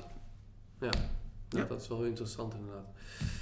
Oké, ehm, ja, we hebben ook wel de conservatieven al ja, het een en ander over gehad. We hebben het al gehad over hoe belangrijk educatie is voor de fysiotherapeut, toch? Ja, We hebben het al gehad over de adviezen en ik had misschien ook nog ja, de verwachtingen. eh, dat we die ook soms een beetje temperen bij ehm, patiënten. Eh, ja, dat het soms langer kan duren en dat we dat ook moeten accepteren. Ja. Ehm, ik weet niet of je daar nog iets over... Nou, kijk, als je iemand, als je, kijk, als, als iemand komt met een frozen shoulder en, en je zegt, we gaan er even heel hard aan oefenen. En, en je legt daarna aan die mevrouw uit dat het toch 2,5 jaar duurt of je nou hard oefent of niet. Ja, Ja, dan vraag je af of je hard moet oefenen. ja. Ehm, hè, en als je dan die mensen nog aan een controletje laat trekken waardoor ze secundaire pijn krijgen, dat, dat, dat werkt niet. En je moet niet weten hoeveel dat nog gebeurt. Ehm, en vroeger gaf ik die mensen ook veel injecties. Doe ik eigenlijk nauwelijks meer. Alleen nog de eerste drie, vier maanden. Want de merendeel is van de mensen dat, dat hun, hun abductie en exo beperkt is en dat ze hoog willen bewegen en daardoor een irritatie in de beurzen en de pees creëren. Ja, dan moeten ze gewoon minder bewegen. Ehm, ik denk dat, dat mensen die echt verkeerd bewegen en echt veel pijn hebben, dus die echt die scapula niet goed werkt, dat kost tijd om dat te werken. Aan de andere kant kan je daarin ook, hè, als jullie straks eh, je eigen praktijk gaan beginnen, daar wel een specialiteit van maken. Want eh, dat is echt heel dankbaar werk, denk ik. Om mensen weer te leren dat, eh, dat, dat schouderblad weer onder controle te krijgen. En dat is gewoon een mindset. Gewoon bewegen in de pijnvrijheid, dat je geen last hebt en dan weer durft eruit te komen. You created. Ja, en er zijn natuurlijk een heleboel mensen die gaan vanzelf beter. Ik bedoel, 50% van de mensen zonder behandeling wordt beter. Dus eh, waarom moeten we allemaal ons inspannen? Dus je kan zeggen, kom over een maand nog eens terug. En kom over een maand nog eens terug. En temper die mensen, coachen. Ik denk dat dat heel belangrijk is. Ja. ja, omdat ze toch ook soms op zoek zijn naar de magic touch. En als dan een chiropractor zegt, ja, maar als ik je wervelkolom rechts zit en dan is binnen drie keer, eh, dan is het allemaal weg. Dan is dat soms lastig als fysiotherapeut. Ja, dat je dan een best wel saai verhaal hebt. Want ja, Ja. dat is niet heel spannend. Ja. Als dan iemand anders zegt van, ja, ik doe dry bla, bla. Ja, dat is natuurlijk heel aan, daar loop ik vaak tegenaan en Pepijn weet ik ook. Ja, dat het soms niet zo heel sexy klinkt om... Nee, maar dat, ik, denk, ik denk dat, dat als, als ik kijk, als ik poli doe, hè, dan heb ik 20 minuten voor een nieuwe. Dat is best lang, maar ik doe het samen. Hè. De anamnese wordt afgenomen door mijn poliedames. En dan is het onderzoek duurt heel kort, maar de uitleg, daar gaat het om. En dat mijn poli, als ik wegga, mijn poliedames het nog een keer uitleggen. En dat die mensen nog een keer een mail kunnen sturen voor de uitleg. Daar zit je geheim. Ik denk dat, dat de, de eerste keer goed uitleggen wat er aan de hand is. Maar aan de andere kant, als jij iemand hebt met die, die sinds zes weken pijn heeft, en best wel veel. Ja, dan kan het best wel zijn dat er toch achteraf een kalkhart in zit. Of eh, dat er toch een, een, een frozen shoulder zich ontwikkelt. En dat je dat de eerste keer niet ziet. Dus het monitoren en elke keer weer nakijken is wel heel belangrijk. En dat nakijken kost je maar één of twee minuten. En, ehm, en ik denk dat dat wel heel belangrijk is. Ik heb, ik heb geprobeerd ook teleconsulten te doen Ja, tijdens de COVID. Nou, dat werkt niet. Je moet die mensen onderzoeken. Want Ze dan ben ik afhankelijk. aangeraakt. En ze willen aangeraakt en ze willen een touch hebben. En je wil die mensen ook even voelen. Hè? Is het kapselvrij? Eh, Is het spierverzet? En dat soort dingen. Nou, daar zijn jullie veel beter in om dat te voelen. Omdat jullie daarvoor opgeleid zijn. Wij zijn natuurlijk wat letterlijk en figuurlijk wat botter opgevoed. Met scherpere bijlen. Maar weet je, wij, je moet toch voelen wat er aan de hand is. En ik bedoel, een internist, ja weet je, die... die die kunnen we morgen vervangen door een appje. Ik bedoel, dat- je voert alle problemen erin, de symptomen. Je gooit ze erin en je krijgt een antwoord. En dat is ook wat, wat jouw vraag was. Daar heb ik wel even over nagedacht. Wat zijn de symptomen nou van, van een SAPS? Ja, die zijn pijn. En, en de ene- bij de ene patiënt gaat hij aan de voorkant naar beneden en dan gaat hij over de biceps. En dan denkt iedereen dat de biceps is. En bij die andere dan gaat hij een klein beetje lateraal, dan is het de supra. En als die andere wat achter, dan wordt het de infra. En dan ligt er waar die, waar die pijn zit. Maar dat is gewoon door het hoofd zo georganiseerd, die pijn. Ja. En of, je nou de, of het nou in de biceps zit of in de beurza, maakt allemaal geen bal uit. Het, het is een uitslaande pijn. Het zegt niks over de plek waar het vandaan komt. Alleen dat En- iemand... Nee, en dat is een beetje het lastige bij ons, dat wij heel veel referred pain hebben. Ja. En dat we daar ook het minste mee kunnen. En dan heb ik nog wel één interessante vraag, want u had het net over eh, de pijn tijdens behandelen, trainen en dat soort dingen. En dan heb ik best wel veel geleerd nu over dat onderwerp, dat het eh, juist met dit soort dingen niet altijd erg is om pijn te ervaren, omdat die pijn niet altijd gelijk staat in provocatie of schade en dat soort dingen. En is dat ook uw visie of zegt u van, nou ja, je kan beter de pijn helemaal vermijden? Of Ja, is soms een klein beetje pijn acceptabel? Ja, ik denk dat je het antwoord zelf al tussen neus, neus en lippen geeft. Kijk, als mensen pijn hebben, worden ze angstig. En de angst, eh, ja, die geeft in de hersenen alleen een stroomstoot om dat juist niet te willen doen. Mhm. Dus je krijgt meer verzet. Dus ik denk juist dat je de pijn in principe niet moet vermijden. Maar je mag de pijn wel opzoeken, maar je moet uitleggen dat de pijn niet erg is. Ja. Hè, dus ik denk dat je misschien het wel goed zegt. Eh, Kijk, je hebt, eh, als, als die mensen de pijn ervaren als iets vervelends, is het heel erg. Maar als ze de pijn ervaren als iets moois, nou, mooi is het Als hulpmiddel. Als hulpmiddel. En dat het niet erg is, dan is het iets anders. Ja. Hè, eh, als je maar niet een angstige creatie hebt, hè, dat je zegt, nou, je mag best wel wat pijn hebben en zo. En dan maak je de pijn al minder, maar dan moet je het wel goed uitleggen. Ja, duidelijk. Dan zit het weer in die educatie, toch? Ja, Dat is het, het leren. dat, dat is het. Ik begin dat toch steeds fascinerend te vinden. Hoe we van de HVA afkwamen met nou, waar we het over hadden. Orthopedische testen, eh, je kan dit en dit uitsluiten en niet. En dat met de tijd we steeds meer achterkomen dat die educatie, die pijnprocessen, dat mentale gestel van, van patiënten en ook van ons, dat dat zo super belangrijk is in eigenlijk elke, eh, Elke casus. casus ja. Ja, dat is Ja. wel interessant zo. Ja. Zeker weten. En, en, dat je, en dat jullie vooral kunnen werken is aan, aan het leren van bewegen. ja. Jullie zijn de Dat- coach van, eh, van eh, het bewegen. Ja, ja, want dat was ook, eh, ik had het even hier bij de interventies gezet. Nou, ja, dat motorisch leren hebben we het nu al enige tijd over gehad.